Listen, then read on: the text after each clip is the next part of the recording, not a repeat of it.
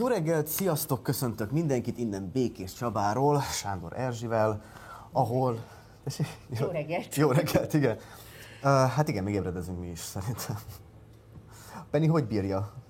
Penny jól bírja, és abszolút munkakutya lett az elmúlt napokban. Tehát az, hogy neki ez a, hely, ez a terület uh-huh. le van foglalva, és ő itt ül, és végigcsinálja a napot, és szerkesztőségi ülésem van, és megbeszélésem van, szóval mindent remekül csinál. Nagyon, Rendes munkakutya lett belőle. Nagyon profin jelben marad mindig. Szóval ez így van kitalálva. Van érzéke hozzá valószínű. Iszonyú vicces, hogy a Partizán, ami egy ilyen hót komoly, kemény politikai hót elkötelezett, igen, elkötelezett műsor, hogy ebbe egy ilyen izé itt üldögél, de hát most mit csináljak, ez, ez velem jár. Hát figyelj, most megújítjuk a műfajt. Vagy hát már megújítottátok tegnap. Én csak tegnap megújítottuk, és ma befejezzük ezt volt, igen, ez eddig tartott, úgyhogy nagyon ne szokják meg. De a Ferencvárosban látható vagyok, amint sétáltatom őt, meg a másikat. Hát akkor találkozzatok Sándor Erzsivel és Pennivel a Ferencvárosba. Welcome. Velünk pedig majd a jövő hét folyamán Debrecenben. A mai adásban viszont elsőként arról fogunk beszélni, hogy hogyan kell jól segíteni a Magyarországra érkező ukrán menekülteken.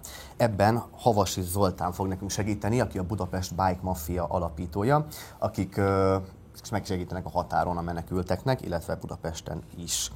Ő, ha minden igaz, akkor Skype-on csatlakozik be az adásunkba, és talán már itt is van, ha jól látom. Szia Zoltán, hallasz minket? Hallok benneteket, sziasztok! Jó reggelt! Szervusz! Mesélnél nekünk egy pár szót arról, hogy konkrétan a Bike Mafia, ugye, ha jól tudom, akkor kvalitatív tevékenységekkel foglalkozik, és elsősorban hajléktalanoknak segített eddig, de most beszálltatok az ukrán menekülteknek való segítségnyújtásba is. Pontosan hogyan tudtok segíteni az ukrán menekülteken? Ugye itt, amikor eszkalálódott a probléma, akkor, akkor gyakorlatilag elsőként az Age of Hope gyermekvédelmi alapítványjal elindítottunk egy, egy gyűjtést, ami eszeveszettő jól sikerült, az volt a célunk ezzel, hogy a határmenti településekre jusson megfelelő mennyiségű adomány. Temérdek adomány érkezett, több ezer ember jött hozni mindenféle olyan dolgot, amire valóban tényleg szükség volt, és feltöltöttük gyakorlatilag záhonyt, két, két nagy raktárat töltöttünk meg, és megnéztük, hogy mi van a határon, és, és elkezdtünk erről beszámolni. Gyakorlatilag azóta mi, tehát járunk le a határa, de nem effektíven nem viszünk most mert nagyon-nagyon-nagyon sok van. Ugyanígy egyébként Budapesten is, tehát most kérek mindenkit arra, hogy, hogy ne vigyen a határadományokat, nézze a nagy szervezeteket, ez nagyon-nagyon fontos, hogyha kérnek valamit, valamit akkor célzottan azt adják, amit, amit ők kérnek, vagy ha mi kiírunk egyébként a saját csatornáinkra valamit, hogy pontosan mire van szükség, akkor inkább kövessék ezeket az instrukciókat. Budapesten pedig nagyon-nagyon fontos az, hogy, hogy egyénileg ö, ö, adományt vinni a pályaudvarokra szintén most már nem érdemes, mert nagyon-nagyon sok minden van, és ö, hogyha valaki szeretne, akkor álljon önkéntesnek bármelyik szimpatikus rokonszenves szervezethez. De azt mondod, hogy ne vigyenek egyedül adományokat, vagy hogy most egyelőre semmilyen adomány nem is kell nektek se, hogy adjanak, mert tele vannak a raktárak? Nagyon, nagyon szépen állnak a raktárak mindenhol.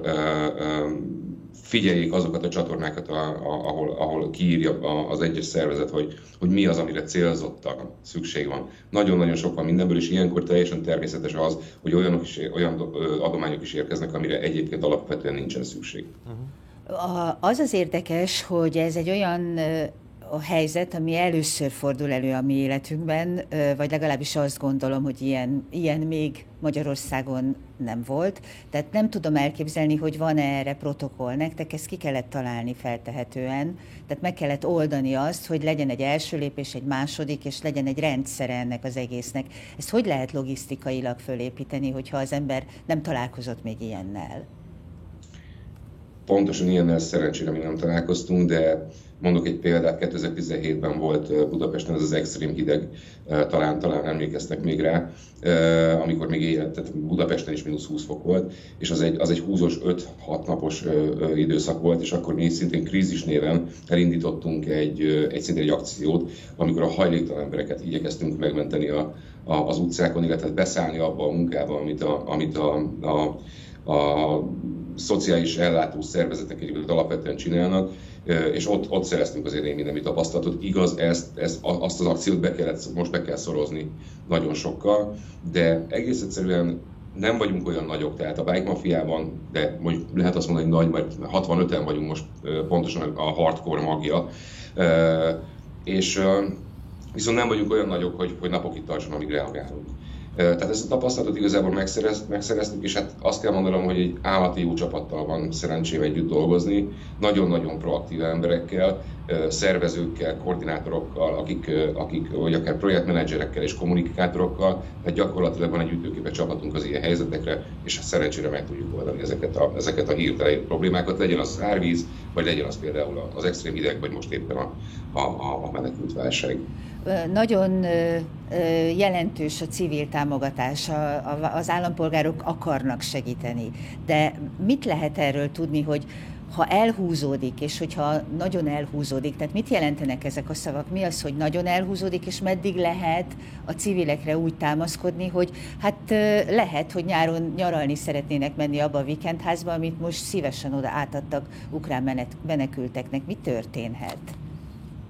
Hát, a saját véleményemet tudom elmondani igazából erre, mindenki, mindenki arra kérünk igazából, hogy legyen türelemmel. Ez a lehető legfontosabb. Ilyenkor egy óriás vagy hullám érkezik a, az ellenpólus gyakorlatilag, ugye az a rettenet, ami kint Ukrajnában zajlik, egy ellenpólus lehet itt a segítésnél, vagy segítéssel érezni. Hosszú távban kell gondolkodni, ezért is mondtam az előbb, hogy álljon mindenki, aki tud, számára fontos szervezethez önkéntesnek, mert ez egy hosszú távú dolog, akkor is, hogyha ennek a horrornak vége van egyébként a szomszédban, akkor is, kell, akkor is jó egyébként önkénteskedni, és akkor is társadalmi felelősséget kell vállalnunk egymásért. Hosszú távon nyilván nem tudom én sem, hogy egyébként alapvetően mi fog történni. A weekendházakkal pláne nem tudom, hogy mi fog történni. Valószínűleg hosszú távon azért ez egy, ez egy, ez egy megoldandó probléma, nem feltétlenül a civil szervezeteknek, hanem a, a nagyobb, nagyobb szervezeteknek, akár itt Magyarországon. Úgy gondolom a kormánynak például. Hát például a kormánynak is, természetesen, és mint ahogy most a karitatív szervezetek dolgoznak gyakorlatilag a határon és a, és a pályaudvarokon is, a reformátusok, a Vörös Kereszt, kapásból, akik tudok mondani, és, és ott nyilván találkozunk a Vörös Keresztel, például forró vonalon vagyunk, hogy mire van szükség, és mi a Bike Mafiával abban tudunk segíteni most per pillanat. Szépen, tehát mindenki azt gondolja, hogy mi nem vagyunk a határon, ez nem igaz, mert nem vagyunk most lent a határon. Budapesten vagyunk, és hát gyakorlatilag a hosszú távú berendezkedésre vagyunk ráállva, ami azt jelenti, hogy mivel kapunk pénzt is, ezt hatékonyan szeretnénk elkölteni, elkezdünk támogatni kisebb, tényleg krízisben lévő szervezeteket, akik hatékonyan. Ez az egyik. A másik pedig az, hogy rengeteg, mivel mi kezdtük el elsőként kommunikálni azt, hogy, azt, hogy megyünk a határa, és, és kicsit zászlós hajó szerepbe kényszerültünk, olyan mennyiségű információt kaptunk, hogy, hogy egyszerűen ez muszáj kezdeni, kezdeni valamit, és öt ember kezdett kommunikálni arról, és delegálni azokat, a, azokat a, az információkat különböző szervezetekhez, azért, hogy, hogy, hogy valami megoldás legyen. Szóval mi most egy kicsit ilyen kommunikátor szerepben vagyunk, de természetesen, hogyha érkezik akár az ellátás, a szociális ellátás részéről bármilyen kér, kérés, vagy a főváros részéről, vagy az önkormányzatok részéről bármilyen kérés, hogy erre is erre van szükség, nem feltétlenül fogunk gyűjtést indítani, hanem megveszünk ezeket a termékeket. Nagyon fontos még azt elmondanom, hogy alapvetően nem szabad elfeledkeznünk a hajléktalan emberekről, a rászoruló családokról, hiszen velük volt alapvetően dolgunk, őket is folyamatosan igyekszünk támogatni ebben az időszakban. Most egyébként nagy hírverést kapott az, hogy a napokban Zendaya, ugye amerikai színésznő, az eufóriának a sztárja is megosztotta az egyik bejegyzéseteket. Az ilyenfajta social media aktivitás az egyébként nektek effektíve segít, szóval mobilizálja az embereket, vagy itt az történik, hogy Insta lájkokban kimerül az aktivitás és a szolidaritás? Hát igen, ennek több része van. A, a, tehát az Insta aktivitás az elég erős volt, a telefonom ötször fagyott a kb. az értesítésektől, tehát ki is kapcsoltam gyorsan. A lényeg, hogy, hogy egyelőre ezt lájkokban érezzük igazából természetesen, meg új követők számában az Instagramon, itt nagyon sokan fölteszik azt a, azt a kérdést, hiszen ott egy bankszámlaszám is ö, megjelent, hogy ez pénzben mennyire mérhető, jelentem még egyelőre sem ennyire.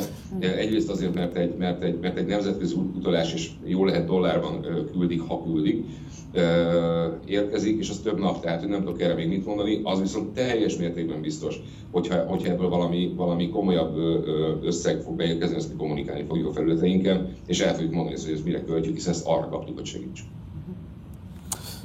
Zárásként összefoglalnád még nekünk kérlek még egyszer azt, hogy konkrétan hogyan tud segíteni az, aki, aki segíteni szeretne, akár a ti szervezetetek keretein belül, akár máshogyan, hol tud jelentkezni, és mi az, amivel, amivel valós segítséget tud nyújtani?